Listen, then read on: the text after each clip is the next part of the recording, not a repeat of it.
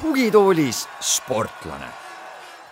alustame saatega Tugitooli sportlane. mina olen David Serp ja ütlen kuulajatele vihjeks, et täna tõotab meil teema kujuneda üsna vesiseks. No ei soovi väita, et me hakkame siin kollektiivselt tönnima või päris pisaraid valama nagu krokodillid aga mine, mine sa tea, kohati on Eesti spordiolukord selline üsna, üsna nutune ja siis võib-olla tõesti tahaks ulguda nagu haavlipüssist käppa tabamuse saanud hunt. täna on meile külla tulnud hiljuti kõrgeima kaheksanda treeneriastme tunnistuse saanud ujumistreener Siiri Põlluveer, tere! tervist!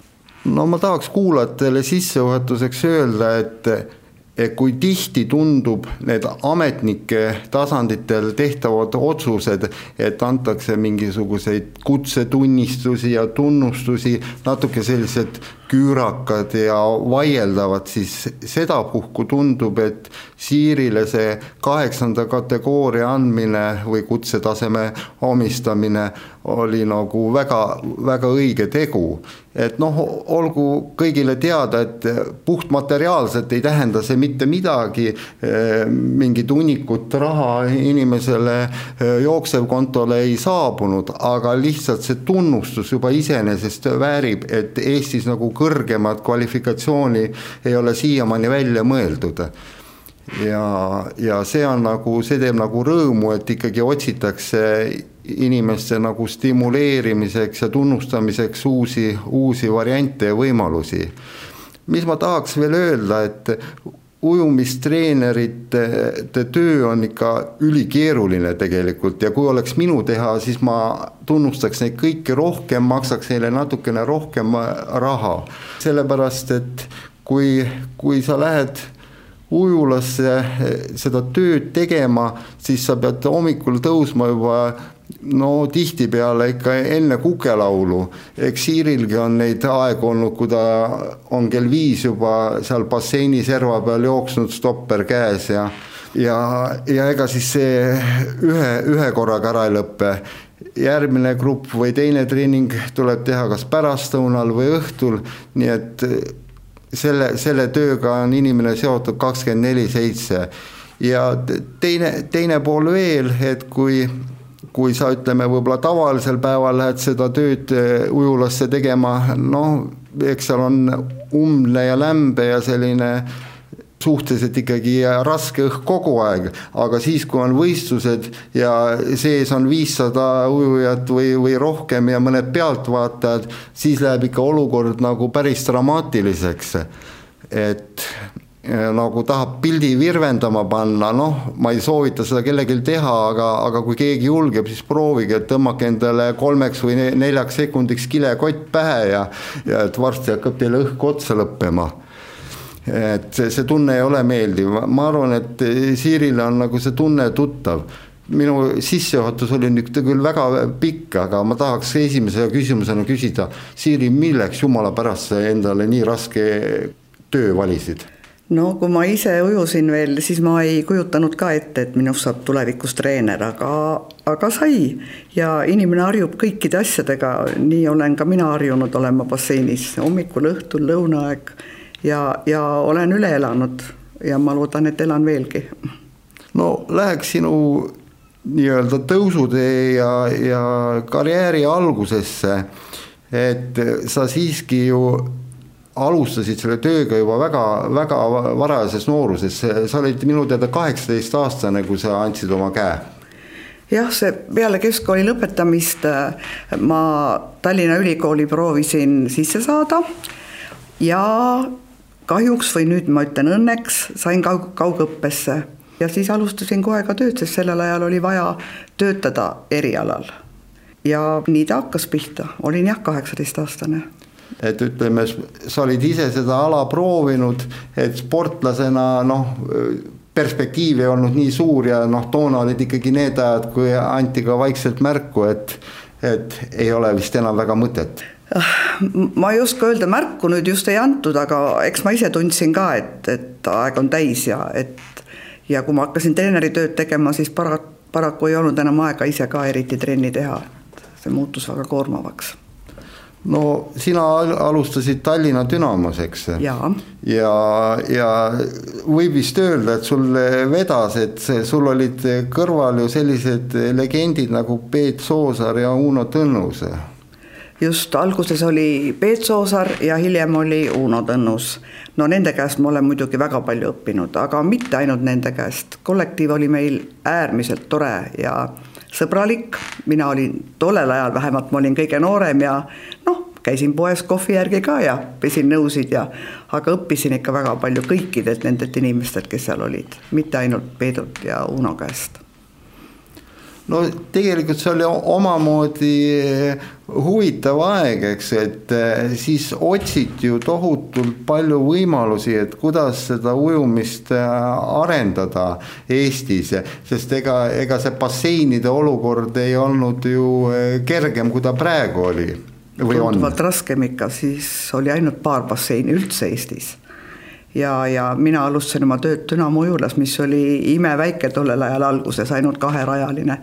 pärast Uno Tõnnus ikkagi tema, tema mõte oli see, et teha see nii, nii võimalikult heaks, kui vähegi võimalik on ja siis me ujusime juba nelja raja peal, see renoveeriti.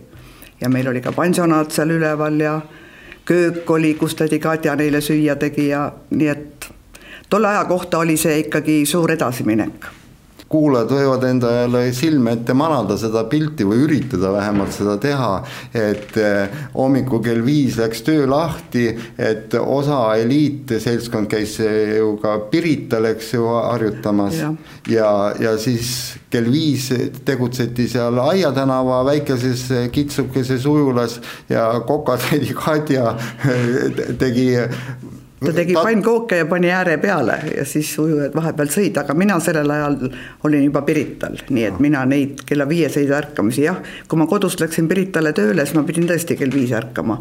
aga basseini ääres ma pidin kell seitse olema ma kujutan ette, et ega see algusesse sisseelamine ikkagi võttis, võttis aega ka sinul, eks ju, et kui, kuigi kui me vaatame nagu seda karjääri, siis see, see on nagu jahmatavalt hea, mis, mis sul on olnud, et sul on igas kümnendis olnud äh, häid õpilasi, aga kui, kui raske see algus ikkagi sinu jaoks oli?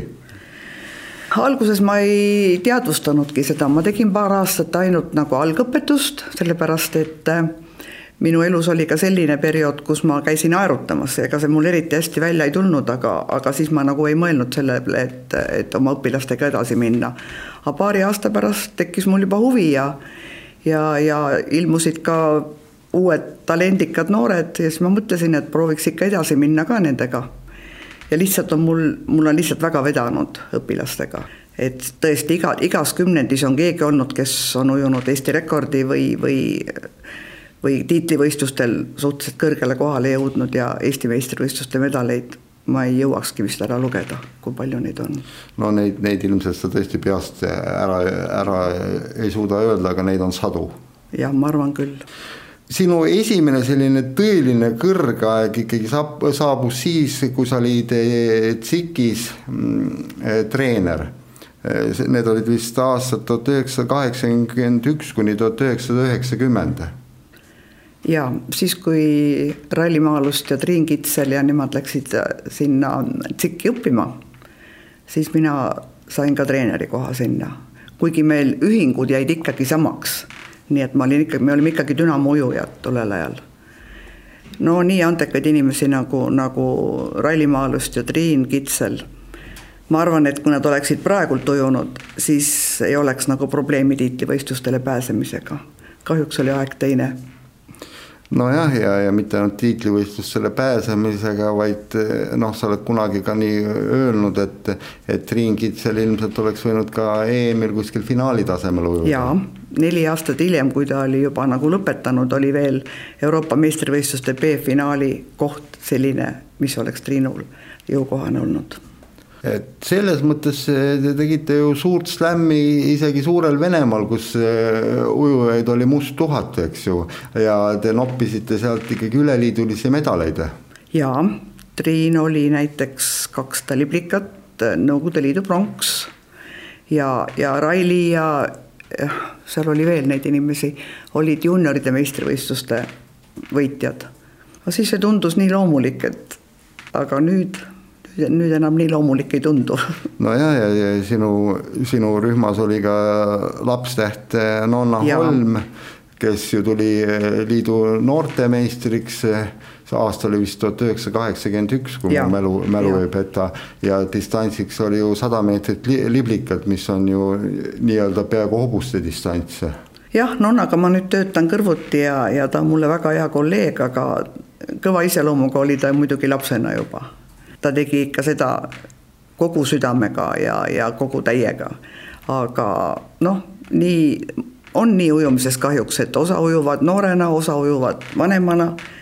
Tema karjäär lõppes noh, mitte nüüd nii väga vara, aga kui ta lõpetas keskkooli, siis ta lõpetas ka ujumise no eks, eks see ole isegi siiamaani tendents ju Eesti spordis, et päris, päris paljud tüdrukud noh, keskkooli lõpus või ülikooli esimesel-teisel aastal teevad nagu lõpparve, eks ju, et kahjuks see nii on.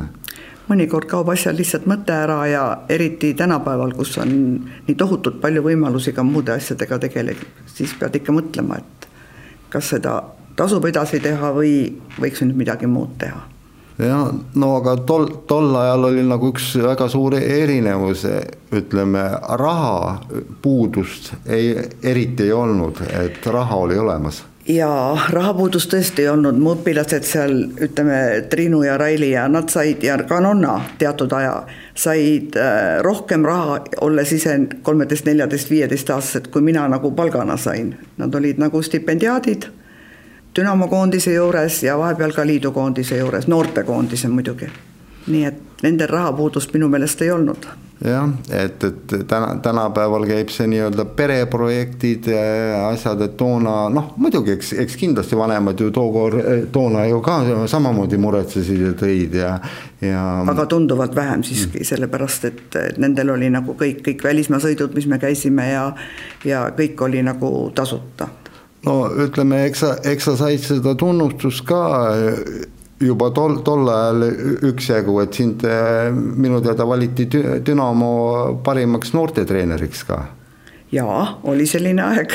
ja sellest oli vist isegi mingi preemia ette nähtud? oli preemia ette nähtud, kolm, kolm varianti oli seal, kolmandat ma ei mäleta, aga esimene variant oli eh, pildistamine Kremli müüri ääres eh, Dünamo lipuga. Teine variant oli Soome sõit noh, see oli nagu mingisugusel ekskursiooni tasemel või kolmandat ma kahjuks ei mäleta ja ma olin muidugi äh, noh, nõus ikkagi rohkem, et ma sõidan Soome, kui ma lähen Kremli müüri äärde, nüüd ma muidugi kahetsen, väga tore oleks selline pilt. aga siis mulle öeldi ka, et noh, eestlased on alati sellised äh, noh, natsionalistlikud inimesed ja et nad olid väga hämmingus, et ma ei soovinud pildistada seal Kremli müüri ääres ennast. Aga noh, nii läks nii et ma sõitsin ikkagi Soome tookord. no ütleme, sul õnnestus ka eh, Nõukogude Liidu piiridest välja pääseda sellel keerulisel ajal. ja Dünamo koondis sõitis, no me käisime ainult nagu sotsmaades, Rumeenia ja ja Ungari ja, ja Saksa Demokraatlik Vabariik, vot, vot niisugused kohad meil olid mis see, mis see pilt siis nagu seal, seal avanes, kindlasti oli seal ka selliseid värvikaid juhtumisi jaa, meil oli, kui me käisime Rumeenias, see on nagu kõige rohkem meelde jäänud.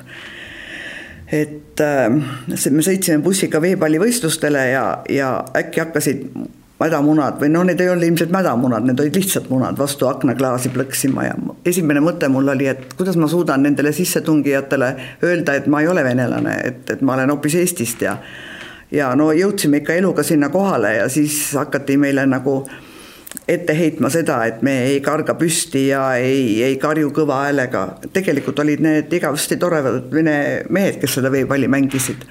aga, aga nad, me pidime nagu, nagu sundkorras tõusma püsti ja, ja plaksutama ja aga me ei teinud seda, me plaksutasime istudes ja sellest tuli ka suur pahandus pärast.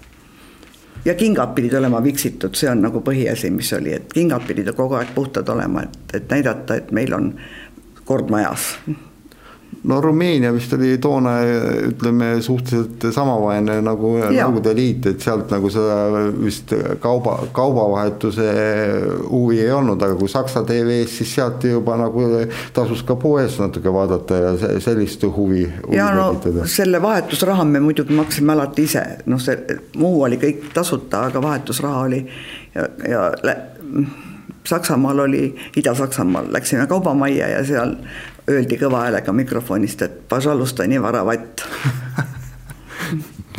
ja, ja siis, siis me mõtlesime, et me ei, ei, ei, ei hakka varastama sealt sellisel juhul. noh, kuidas ma ütlen seda, et, et seal olid Nõukogude Liidu koondised, Dünamo koondises oli väga palju toredaid inimesi et ma ei saa küll mitte midagi ette heita, aga iga kord oli kaasas mingi niisugune kahtlane inimene, kes oli tõenäoliselt, kes pidi meie käitumist ja meie elu jälgima. Aga mind see ei puudutanud ja vaevalt, et ka minu õpilasi, meil läks nagu kõik normaalselt. no Venemaal sa olid tükk aega tuntud kui Svetlana Fjodorovna. et kuidas see siis juhtus? me olime seal noortega Dünamo üleliidulistel võistlustel ja Venemaal oli tookord komme selline, et lõpuprotokolli kirjutati ka treeneri nimi. Nii Raili ja, ja Triinu ja Nonna, nad kõik võitsid seal ja siis öeldi, et eks ole, et esimese koha saavutas, ütleme seal Raili Maalust ja teda treenib. Oha, see oli mu neiupõlve nimi. vaikus Svetlana Fjodorovna ja, ja sinna oli taha pandud S ja F ainult perekonnanime järgi. no ma ei tea, momendiks oli, oli haudvaikus ja siis oli kohutav naerv.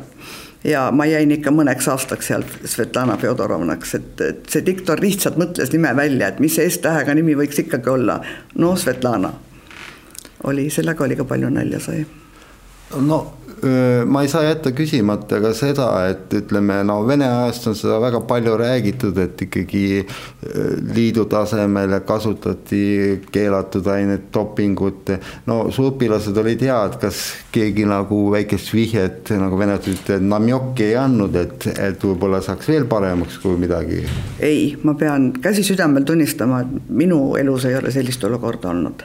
ma arvan, et see oli, kui ma olen kuulnud teiste õdede käest, et see oli nagu liidu täis täiskasvanute koondise juures võib-olla, aga aga Dünamo üleliidulise koondises ja, ja Raili ja käis ju ka, ka ehm, noh, nagu liidukoondise noorte, noortelaagrites ei, mitte midagi ei antud noh, siis, siis läks hästi, nagu öeldakse, et, et ütleme. võib-olla ole... nad ei olnud sellisel tasemel, et oleks kellelgi huvi neile anda, aga või olid nad liiga noored veel selleks lihtsalt et miks ma ütlen, et hästi läks, et kahjuks me sealt Ida-Saksas kuuleme iga aasta või et mitte öelda iga kuu neid uudiseid, et kui keegi on jälle enne õiget aega või, või liiga varakult lahkunud või keegi on sandistunud või ratastooli jäänud ja ja siis tulevad need pihtimused, et, et kuidas silmamunadeni olid sportlased aineid täis to topitud. ma mäletan, et ükskord liidu meistrivõistlustel ma hakkasin minema naisteriiete ruumi olin oma mõtetes ja äkki kuulen, et issand, ma olen meeste riieturuumi taga või. ja siis sain aru, et ei, ma olen ikka naiste riieturuumi taga ja saksa naised olid siis sellised, kes nagu väga jämeda häälega rääkisid. nii et, et siis, aga siis ei, nagu ei pööratud sellele tähelepanu eriti või ei olnud seda dopingukontrolli nii tugevat jah, seda, seda sellist midagi sarnast lugu olen ma kuulnud ka Kaire Indriksonilt, meie endiselt tippujujalt, kes, kes oli ikkagi liidukoondises ja, ja kunagi see oli vist maailmameistrivõistlused Lääne-Saksas, et, kui nad järsku ehmatasid, et tulid meesterahva hääled naiste riietusruumi poole ja. nojah, Kaire kõik... teab seda paremini, kuna ta oli lihtsalt juba noh, liidukoondise juures, päris koondise juures, et et võib-olla noh, vaevalt, et, et temale nüüd anti, aga, aga seal kindlasti oli selliseid ujujaid, kes, kes võtsid dopingut või, või said dopingut. selles ma olen kindel no need, need olid ikkagi sinu jaoks nagu superajad, kõrghetked, kui su, kui sa näed, et sul kogu aeg tuleb eh, head tagasisidet, eh, häid, häid tulemusi tuhat üheksasada kaheksakümmend kuus oli, oli sinu eluteel ilmselt üks selline keeruline hetk, ühtepidi suur rõõm, sündis sinu tütar Keiu, aga teistpidi sa pidid nagu oma senisest rutiinist välja tulema. Jah, ega ma nagu vaimselt selleks eriti valmis ei olnud tollel ajal ja, ja kui Keiu sündis, siis, siis mul oli ikka noh, selle ujumise pärast oli mul ikka süda natuke valutas ka ja ja Raili ja Triinu tegid veel aastakese edasi peale minu nagu töölt lahkumist. aga noh, paraku on ikkagi lapse sünd nii tähtis asi, et, et ega ma nüüd eriti ei põdenud ka seda, nad hakkasid nagu lõpetama ka juba sellel ajal ujumist, aga ma isegi ei teadnud, kas ma nüüd teen edasi või hakkan midagi muud tegema nojah, sa oled, sa oled ju tegelikult seda isegi tunnistanud, et, et, et sul olid kõhklused suured ja, ja sa pelgasid seda, et, et sa ei suuda enam kedagi nii kõrgele tasemele viia, aga õnneks oli see pettekujutelm jah, aga seda kunagi ette ju ei tea, kes sulle satub või, või kellega sa teed tööd või kellega sa ei tee tööd. Et nagu see, selles mõttes, kui, kui me vaatame sinu tagasitulekut, siis no ütleme, eks sa tulid ju suhteliselt kiiresti tagasi, aga aasta pärast, jah. juba aasta pärast, no siis hakkasid keerulised ajad tegelikult pihta. keerati need raha, rahakraanid kinni, enam, enam ei olnud pudrumägesi ja piimajõgesi, tuli juba hakata nuputama, eks.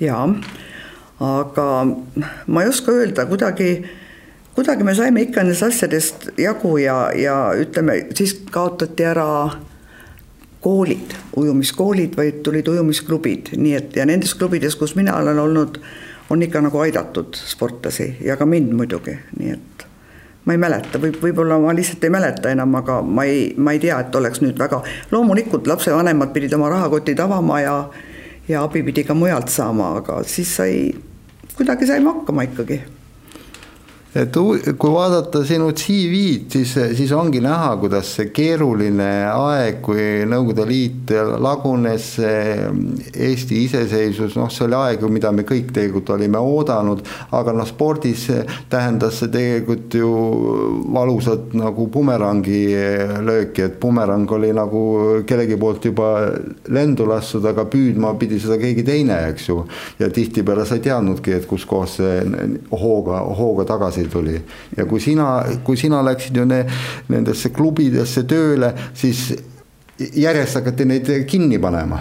jah, ma olin jah nagu nuhtlus, et kui ma läksin ühest klubist ära, siis see pandi just kinni või, või läks see klubi remonti või no Dünamo läks kõigepealt kinni mm. muidugi. ja siis ma, siis ma olin tööjõureservides kus mind kenasti vastu võeti ja ma olin väga õnnelik, sest õpilased olid mul tollel ajal tsiki õpilased ja mina sain ka palka TSIK-ist, nii et selles mõttes oli mind nagu hea tööle võtta, et ma ei, ei kasutanud ütleme, klubi rahasid nii. ja siis pandi tööreservid kinni ja sinna ehitati suur-suur elumaja, kuigi lubati, et, et rekonstrueeritakse ja tehakse ilus korralik ujula. me jaotasime seal juba töökohti ja et kes hakkab koristama lisaks ja kõik, aga, aga maja tõmmati maha. et sellest on kahju küll, see oli tore ujula ja hea koha peal ja aga noh, mis teha sai, siis ma läksin Kalevisse, Kalevisse, jah. Kalevis ma olin vist viis aastat või kuus aastat, jah. ja jälle sul olid äh, ja, vahvad õpilased seal? jaa, siis oli ka, need olid, tulid minuga kaasa juba, Margus Saia ja hiljem liitus sinna Ken Tomson ja Dmitri Tšernjatin ja Maksim Malõssev ja noh, nad olid kõik Eesti meistrid vähemalt. aga no ütleme, Saia oli nendest kõige edukam kes, kes nagu käis ka tiitlivõistlustel ja ja isegi Jaapanis MM-il tuli ta nelisada kompleksi kas kahekümne neljandaks või noh, sellel ajal oli need kõik need asjad nii uued ja ja, ja me rõõmustasime igasuguste kohtade üle, peaasi, et, et nagu sinna peale saaks. no kui me võtame Eesti suusatamise pikaaegse loogika järel punkti koht ja. ehk kolmekümne hulgas oli kindlalt käes ja arvestades, mis ala Margus tegi, siis hullemat ala kui nelisada kompleksi ei ole ujumises välja mõeldud. ja alustas ta tuhande viiesajaga ja, ja lõpetas lõpuks siis, kui hakkas ujumist lõpetama, siis lõpetas saja meetri liblikaga, vahepeal oli nelisada kompleksi ja kakssada liblikat ja aga Margusest ma räägin seda, et Margus ujus me käisime enne veel Mägede laagris, esimest korda ma käisin Fondremüüs, seal oli veel kaasas meil Natalja Isamutinova ja Jana Kulukanova ja Pahel. Ja ja ma ei, mul ei olnud ei kogemusi ja ma ei, ei teadnud, aga noh, seal oli muidugi teisi treenereid ka ja oli näiteks niisugune treener nagu, nagu Mankotši treener. ja, ja, ja siis me nagu ikka rääkisime omavahel ja, ja lõppkokkuvõttes oli see, et, et Margus Saia ujus MM-il nelisada kompleksi ühe sajandikuga üle Eesti rekordi. et noh, nii, nii palju vähemalt läks ta äkki, et, et üks sajandik selle laagri kasu oli, aga noh see on hoopis teine töö seal mägedes ja, ja kui sul kogemust pole, siis on päris keeruline no e, sinu jutus käis läbi ka Jana Kolukanova nimi, et otseselt sinu hoolealuste nimekirjas ju teda ei, ei ole, aga Jana on tegelikult e, minule isiklikult öelnud, et, et teatud perioodil, kui tal oli raske, siis sina, sina toetasid teda ja abistasid, mäletad no, sa neid aegu? mäletan küll, asi oli lihtsalt selles, et nad, minu õpilased ja ütleme, Jana, kust, kui ta oli, ta oli Filini juures vist sellel ajal. Ja, ja noh, me käisime nii palju läbi, nad käisid ühes klassis, me, meil oli ühel ajal treeningud ja, ja kui tal raske oli, siis võib, võib-olla ma naisterahvana lihtsalt oskasin teda rohkem toetada. aga pärast ta harjutas Tiit Reiteri juures ja minu meelest nende läbisaamine oli suurepärane ja isegi sellest ajast veel, kui ta Reiteri juures oli, eh, ka siis oli teil ju äh, kokkupuuteid ja, ja. no ja, ja vot selles lõunalaagriski või tähendab mägede laagriski oli, Tiit jäi ootamatult haigeks ja, ja siis pidin mina sõitma. et noh, Janaga, Jana ja Nataljaga, Nataljaga me siiamaani saadame üksteisele õnnitlusi ja, ja vahest räägime Facebookis ja see oli väga tore aeg ja nad olid väga toredad tüdrukud jah, ja kui me mõtleme täna sellele tagasi, mida nad tegid, eriti Yana, kes sai Sydney olümpiamängudel minnes sinna heas mõttes kollanokana ja ujus prauhti seal poolfinaali, siis täna me hüppaksime rõõmust lakke. Ja siis, siis nagu tundus, et see on nii loomulik, et, et ta sinna pääses ja ei, Yana tulemus oli ikka super selle, selles, selles ajaetapis, ütlen ja noh, jah, praegult poolfinaali pääsemine oleks juba väga suur õnnestumine. Jah, ja küllap on ka sinu puhul nii, et sa ikkagi silmanurgast ikkagi ju neid inimesi jälgidki natuke rohkem, neid sportlasi, kellega sul on olnud kokkupuudet ja, ja küllap sa olid rõõmus ka kaks tuhat viis, kui Jana tegi järjekordse fantastilise läbilöögi tiitlivõistlusel, jõudes pikaraja MM-il krooli sprindi finaali. loomulikult ma elasin alati nendele kaasa väga. ja noh, Jana elu on nüüd hoopiski, eks ole ju teises riigis Ameerikas, aga mulle tundub, et ta on oma eluga väga rahul, nii et jah, eks, eks elu on niimoodi läinud ja me ise ka kuigi palju Facebookis eh, Jaanaga mm. suhtlen ja, ja vaatan, kuidas neil seal läheb ja. ja seal on ju ka Jane, Jane Trepp, kes sai hiljuti ja. teist korda emaks ja noh, tüdrukutel läheb hästi ja, ja. Natalja on Soomes ja. Natalja on Soomes. kõik meie need kolm tippujujat ja, ja Triinu elab hoopiski, eks ole, no ütleme, ta on natuke nüüd noorem nendest. elab Sloveenias hoopis ja nii et elu on viinud meie ilusad tüdrukud ja andekad tüdrukud laia ilma laiali jah, et kui mõelda, et, et meil on nagu selline fantastiline tüdrukute plejaad ka olnud, et, et praegu me siin kipume nutma, et neid naisujujaid väga ei ole, aga oma, omal ajal olid ikkagi, ikkagi väga tublid tüdrukud. loomulikult nad on kõik Euroopa klassi ja isegi mm klassi ujujad ja, ja noh, nii andekaid ja nii palju korraga ma ei näe üldse tulevikus praegult. sinu jaoks kindlasti üks uus etapp algas äh, Audentese spordikooli äh, minekuga, sest enne seda sa olid, eks ju, Järveotsa kooli spordiklubis. mis läks jälle remonti kui ma tulin Audentesesse, nii et järjekordne klubi et eh, no Audentes on ju tsiki õigusjärglane, et tegelikult sa läksid sisse tõmbama sedasama õhku, mida sa olid juba seal päris pikka aega eh, sisse tõmmanud, aga tegelikult olukord oli ilmselt tohutult muutunud. Eh, see õhkkond ju, mis Audentes ümber oli ja see vasta, vastasseis ja ma arvan, et see oli vist meeletu või ma eksin ei, ei eksi, eks see oligi, see oli nii uus asi ja, ja inimesed noh, nagu me oleme suhteliselt konservatiivsed inimesed ja, ja keegi ei teadnud, mis sellest võib välja tulla ja kes sinna lähevad ja, ja kuidas see rahade jaotamine tuleb ja oli keeruline jah, kui ma läksin, siis, siis ma ei arvanudki, et nii keeruline on. aga ma ikkagi ütleksin, et see oli mu elu üks paremaid ja ilusamaid aegu. Alguses pidi väga-väga palju vaeva nägema, aga siis, kui masinavärk juba tööle hakkas, siis oli juba lihtsam. Jah, ja jällegi kuulajatele ütleme ära, et, et Siiri eh, käe all on seal ikkagi väga palju meie tippujaid ujunud ja noh, kindlasti su üks suuremaid tähtesi on Ralf Tribuntsov. et loomulikult anname au ka nendele treeneritele, kes olid juba enne seda tööd teinud ja Ralfi puhul seal Gunnar Tõnning, eks ja. ju, ja nii, aga kui, kui nad sinu juurde tulid, siis tuli arengus ikka, tulid pikad sammud edasi? no asi on ka selles, et nende vanus ja nende areng oli, oli just nimelt sobiv selle Audentese ajal, nii et, et, et see nüüd ainult minu teene kindlasti pole, et nad lihtsalt arenesid ja nad said tükk maad rohkem ujuda kui oma kodu, koduujulates ja, ja üldfüüsiline ettevalmistus me saime sinna juurde, abilised ja, ja noh, nende elu läks lihtsamaks selles mõttes, et kool ja ujula ja kõik olid ühes kohas. noh, kambavaim ja nii et ma arvan, lihtsalt sellepärast nad ujusid, hakkasid nagu paremini ujuma, ega see ei tähenda seda, et et ütleme, kes olid tulnud kusagilt maalt ja, ja kusagilt kaugemalt, et nende areng oli ka korralik, aga nende tulemused ei olnud lihtsalt veel nii kõrged nagu nendel, kes, kes olid juba enne. nii Allikvee kui, kui, kui Ralf kõik olid ju enne ka juba head ujujad, ega ei olnud nii, et nad tulid siia ja nüüd äkitselt mm -hmm. lihtsalt nende arenguhüpe toimus seal. Mhm. mis see, ütleme sinu siis see nimetame ilusti kujundlikult, kuigi võib-olla klišee väljend, võluvõti on, et sa need inimesed nii-öelda varasemast paremini sportima saad? ma ei tea, eks ma, eks ma olen niisugune võib-olla väga järjekindel inimene, et, et ma ei jäta jonni ja ja püüan ikka kogu aeg, kogu aeg, et, et ma suudaksin neid panna tööle ja ega see päris lihtne ei ole no oleme ausad, sa oled ikka ka tuntud suhteliselt karmi, karmi käega treenerina, et ega, ega sa ütlemata ei jäta, kui on vaja öelda. ei, ei muidugi ei jäta, aga mina ei tea, kustkohast see on tulnud, see karmikäelisus, minu meelest ma olen jumala leebe inimene.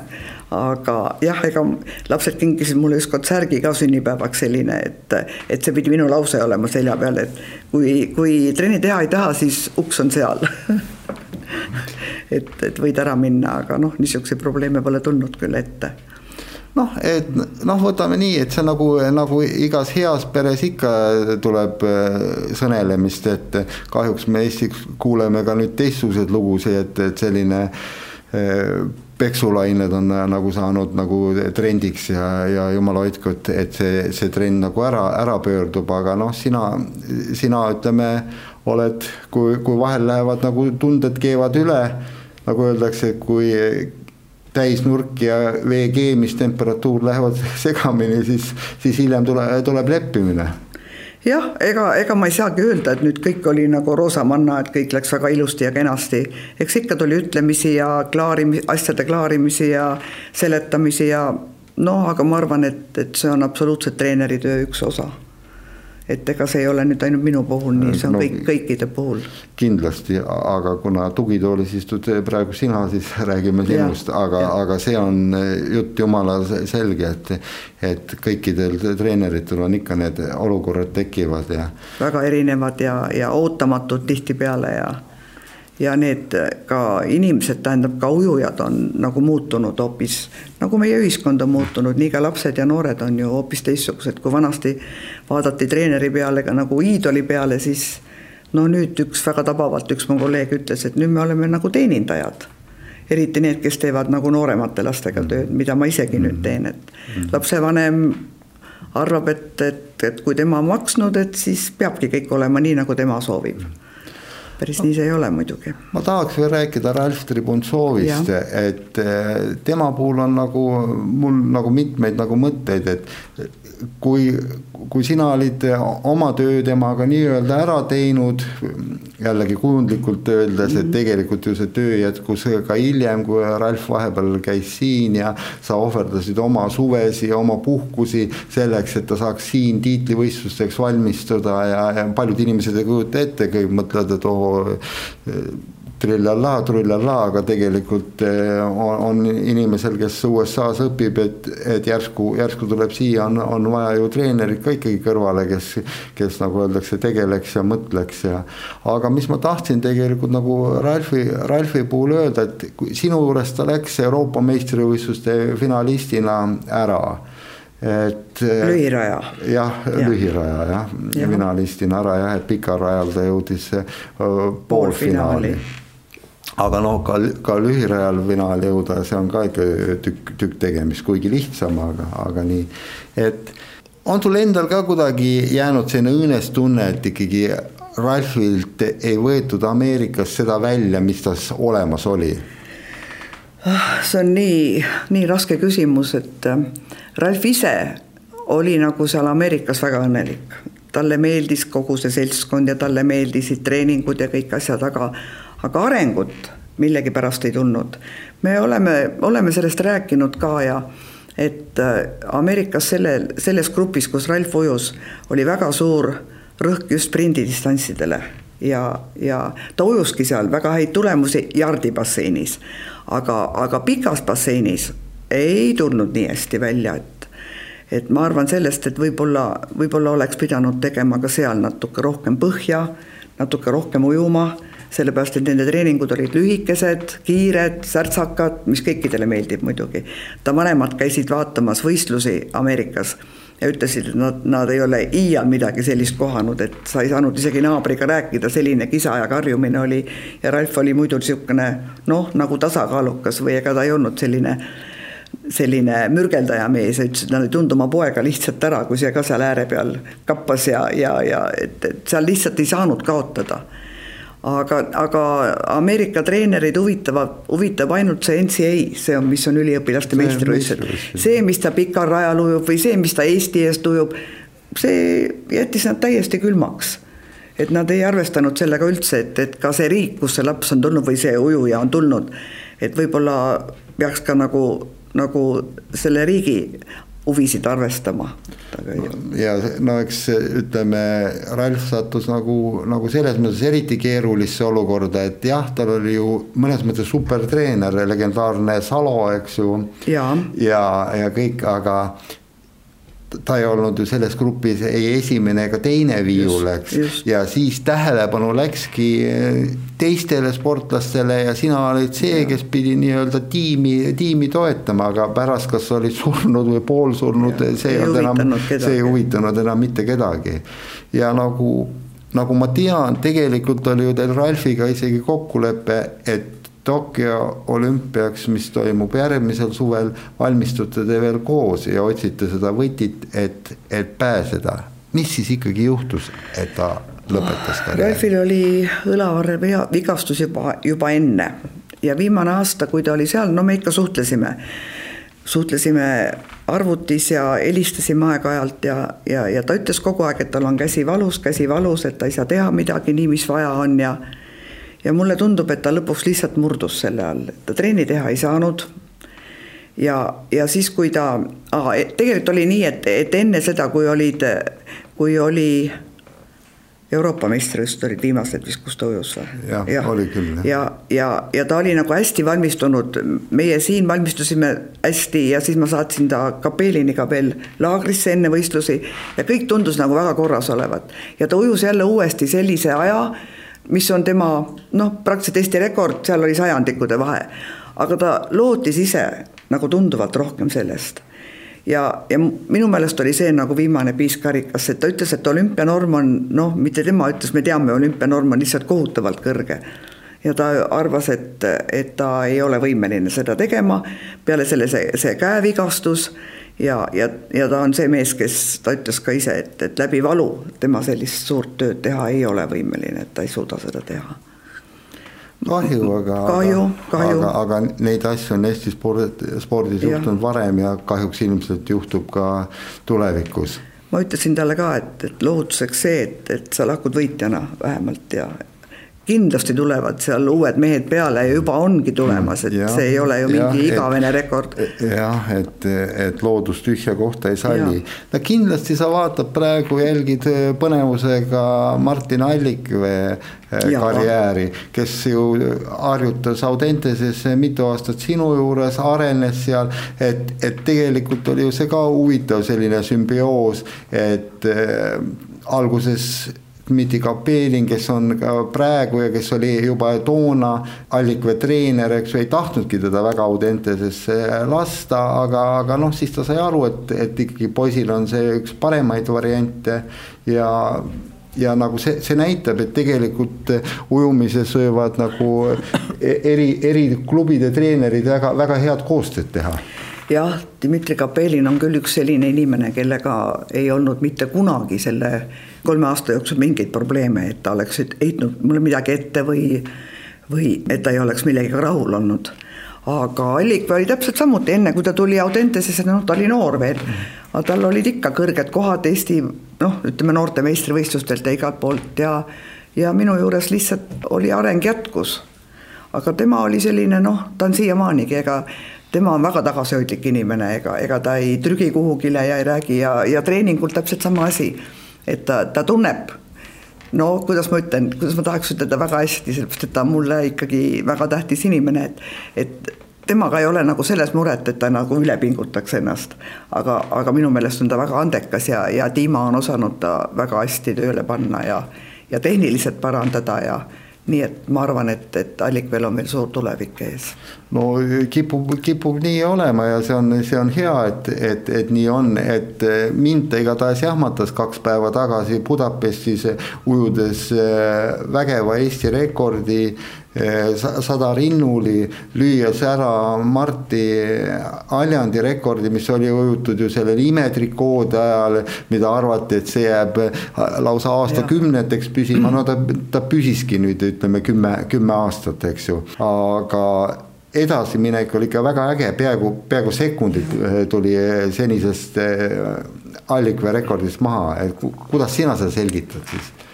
no Martinil on ka see, no tollel ajal, kui Marti seda ujus, oli see loomulikult suurepärane tulemus, ükskõik, kas see trikoo oli imetrikoo või mitte, aga ikkagi see oli väga korralik tulemus. aga, aga mis puutub äh, Martinisse, siis tal ju tegelikult oli ka eelmine aasta, ei olnud nagu arenguhüpet, ta nagu oli stabiilselt ühe, ühel tasemel ja ma arvan, et see on Kapelini väga nutikas tegemine, et et nüüd see arenguhüpe tuli ja, ja mitte ainult temal, vaid ka ju Saitsev kogu aeg areneb ja, ja ka Romanjuk areneb, nii et, et ma arvan, et seal tehakse väga head tööd. Et ütleme, Eesti nagu tippujumises ikkagi teatavad tähed on olemas ja et kindlasti me ei saa üle ega ümber Gregor Sirgis, kes on tänavu aasta, aasta esimesel poolel ju väga vingelt ujunud. jah, Gregor Tsirk on, on niisugune, kuidas ma ütlen, unikaalne nähtus ikkagi Eesti ujumises, sellepärast et ta hakkas ju väga noorena oma rekordeid ujuma, ma ei tea, sadu või, või veel rohkem oli neid noorte ja juunioride ja ja tema hea ujumise aluseks oli ka muidugi tema treeneri Kaja Aljaste no suur fanatism ja, ja, ja, ja ka tegelemine hommikuvara ja õhtul hilja ja, ja kogu aeg nagu arenedes nii et ma arvan, et, et Kaja tegi väga suure töö ära, enne kui ta läks siis ära Inglismaale. Et võib, võib-olla, see on jälle minu arvamine, võib-olla ta oleks võinud veel aastakene olla näiteks siin, aga noh, ju see oli tema otsus selline ja ja nüüd on ju areng jälle noh, vahepeal oli, tundus nagu, et äkki jääb nagu seisma ja, ja et ei ole enam nii kiiret arengut, sest noorena või lapsena ta arenes lihtsalt iga võistlusega, eks ole, nii kui vette läks, nii ujus rekordi ja aga nüüd tundub, et on seal Türgis on asi jälle nagu paremaks läinud ja ta ujub fantastilisi tulemusi, meie jaoks vähemalt mm. -hmm. ja nüüd ta ujub ikkagi no neid distantse, mis mulle nagu väga meeldivad, et ta ujub ka kahtsadat liblikat ja neljasadat vabalt, mis minu meelest talle on väga sobilikud alad jah, et see ongi huvitav, et Eesti on nagu olnud selline sprindiriik. sprindi sünnimaa nagu. ja, ja lühi, lühiraja ujujad, eks ju, et aga jälle meedia on jälle hurjutanud ujujaid, et kõige tähtsamad on ikkagi pikaraja võistlused, et seal meil nii nagu väga ei tule midagi. kas see ikka jääb selle taha, et, et meil ei ole neid basseine? No võib-olla mitte ainult selle taha, aga ma tean, et see, see ei meeldi paljudele inimestele, kui sa ütled, et Eestis on nii vähe inimesi, aga minu meelest on see ikkagi üks põhjuseid ka, et spordialasid on ju väga palju ja, ja kõik ei satu nagu oma õige spordiala peale ja ma ise näen nüüd laste juures ka, et ütled, et kuule, et järgmine aasta peaks tegema neli korda nädalas või viis korda nädalas. ta vastab mulle, et ei, aga mul on veel jalgpall ja mul on veel kergejõustik ja siis ma lähen veel tantsupeole nii et lihtsalt neid võimalusi on nii palju ja, ja lapsed ei, ei taha ennast pühendada nagu ühele asjale. aga ma tahtsin veel seda ütelda, et kui olid eelmised olümpiamängud Martini ja Ralfi suhetes, siis siis kuu aega enne olümpiamänge juhtis seda punktitabelit tegelikult Ralf ja, ja isegi me olime kõik dokumendid täitnud ja ja, ja siis Martin ujus ootamatult, eks need suurepärased tulemused ja läks punktidega Ralfist mööda. ja mind hämmastas nagu Ralfi suhtumine ja kõik, tal oli loomulikult kahju, ta ei näita, mul oli ka kahju endal. ja, ja ta ütleb, et tead, mul on nii hea meel, et Martin ujus nii hästi ja, ja tegelikult oli mul ka hea meel, et, et mul ei olnud nii, et issand, milline jama nüüd, et Ralf ei saa ja Martin saab, nii et et mul oli väga hea meel Martini üle ka ja mul on väga hea meel, et nad omavahel on nii sõbralikes suhetes oli, sest tookord olid nemad kahekesi ainult, ega seal eriti teisi momendil ei olnud. et, et saab ka väga hästi läbi saada ja sõbralikult.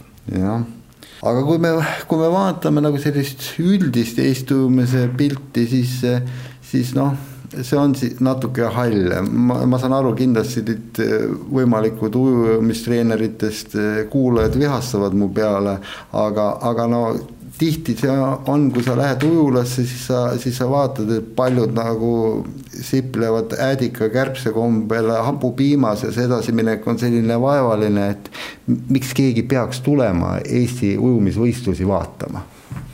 oh, see on ka raske küsimus, ma ei tea, mulle tundub, et praegult on natukene nagu põlvkondade vahetus ka. Väga palju noori treenerid on tulnud, kes endised tippujujad, noh, ma mõtlen näiteks Liivamägi ja, ja, ja no ka Martti Aljand teeb treeneri tööd ja seal on veel ja, ja noh, ma ei tea, kas me, me loodame või me arvame, et, et võib-olla nendest saavad siis nagu uued, uued tegijad ja, ja uute mõtete toojad Eesti ujumisse aga ma ikkagi ütleksin, et, et on ka nii, et, et ära enne vanasse kaevu sülita, kui uus valmis ei ole, et väga palju tõdesid, mis mis on tegelikult aastakümneid kestnud, tundub, et nüüd esitatakse neid nagu uue jalgratta leiutamisena, et et väga palju asju peab ikka vanadest aegadest ka kaasa võtma, sport on ikka sport, tööd tuleb ikka teha ühtemoodi.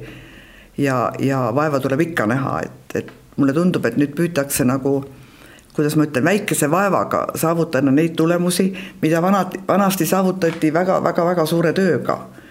no meil on näiteks veeaega on meil poolteist tundi ainult, vanasti meil olime Pirital, kui Eesti koondis oli, me ujusime kaks tundi õhtul, kaks tundi hommikul, tund aega kehalist. nüüd väga vähesed klubid saavad endale lubada sellist, et nad ujuvad näiteks kaks tundi järjest, kuna vee hind on nii kallis. et ma arvan, et üks põhjus on see, aga teisest küljest lihtsalt kogu elu on muutunud. Ja väga vähe on neid inimesi, kes viitsivad teha seda rasket tööd, käia kaks korda. ja, ja kui sa oled seal juunioride klassist väljas, mm, normatiivid on väga rasked, eriti viimastel aastatel.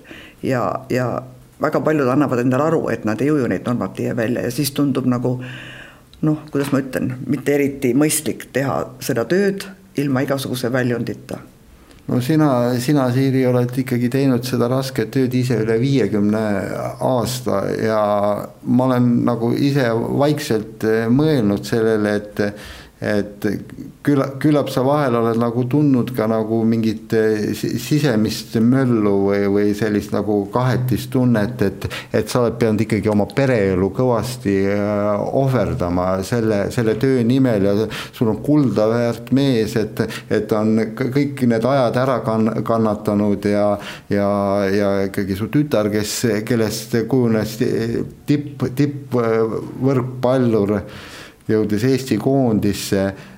et tunned sa äh, sisimas natuke, et sa oled midagi nagu perekonnale võlgu jäänud?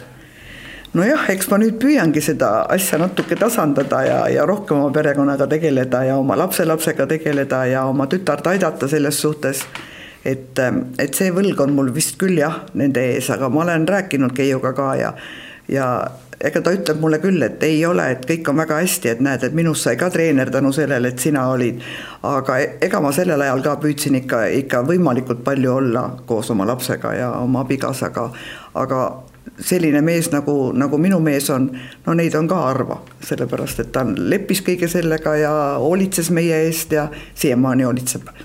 ja et igaüks võib-olla ei oleks seda välja kannatanud no ja praegu sa oled jäänud oma lemmikala juurde, ainult see on natuke koormus, võib-olla tiba ja, on lähenenud, sa oled, tegeled noortega, oled Audentese spordiklubis, sul on kaks gruppi et, et aga ütleme, siht on silme ees ja ma mäletan, kui sa kuus aastat tagasi ühes intervjuus ütlesid mulle, et ma olen veel täitsa kobe tüdruk, siis ma võin öelda, et vahepeal ei ole mitte midagi muutunud. sa oled endiselt äh, äh, lõvitiigri nahas ja ma loodan, et sa töötad veel vähemalt äh, kaheksa aastat, et siis me saame ühiselt tähistada sinu Eesti ujumise briljantpulmasi jah, loodame ma ei, ma ei oska selle kohta midagi öelda, nii kaua kui tervist on ja nii kaua kui tahtmist on. tegelikult ma natuke kartsin küll, kui ma hakkasin noortega jälle tööle, et ma olin nii palju aastaid olnud seal noh, ütleme täiskasvanud inimestega, peaaegu täiskasvanud töötanud, et see on hoopis teine töö. et ma pidin ennast ikka, ikka väga palju vaos hoidma, et, et kõikidele nendele miksidele vastata ja, ja kõikidele nendele noh, kuidas ma ütlen tegelikult on nad ikkagi väikesed lapsed veel ja, ja ma polnud harjunud töötama, aga nüüd me saame juba hakkama ja ma isegi võin öelda, et mulle meeldib. aga aitäh sulle ja edu edaspidiseks. aitäh oh..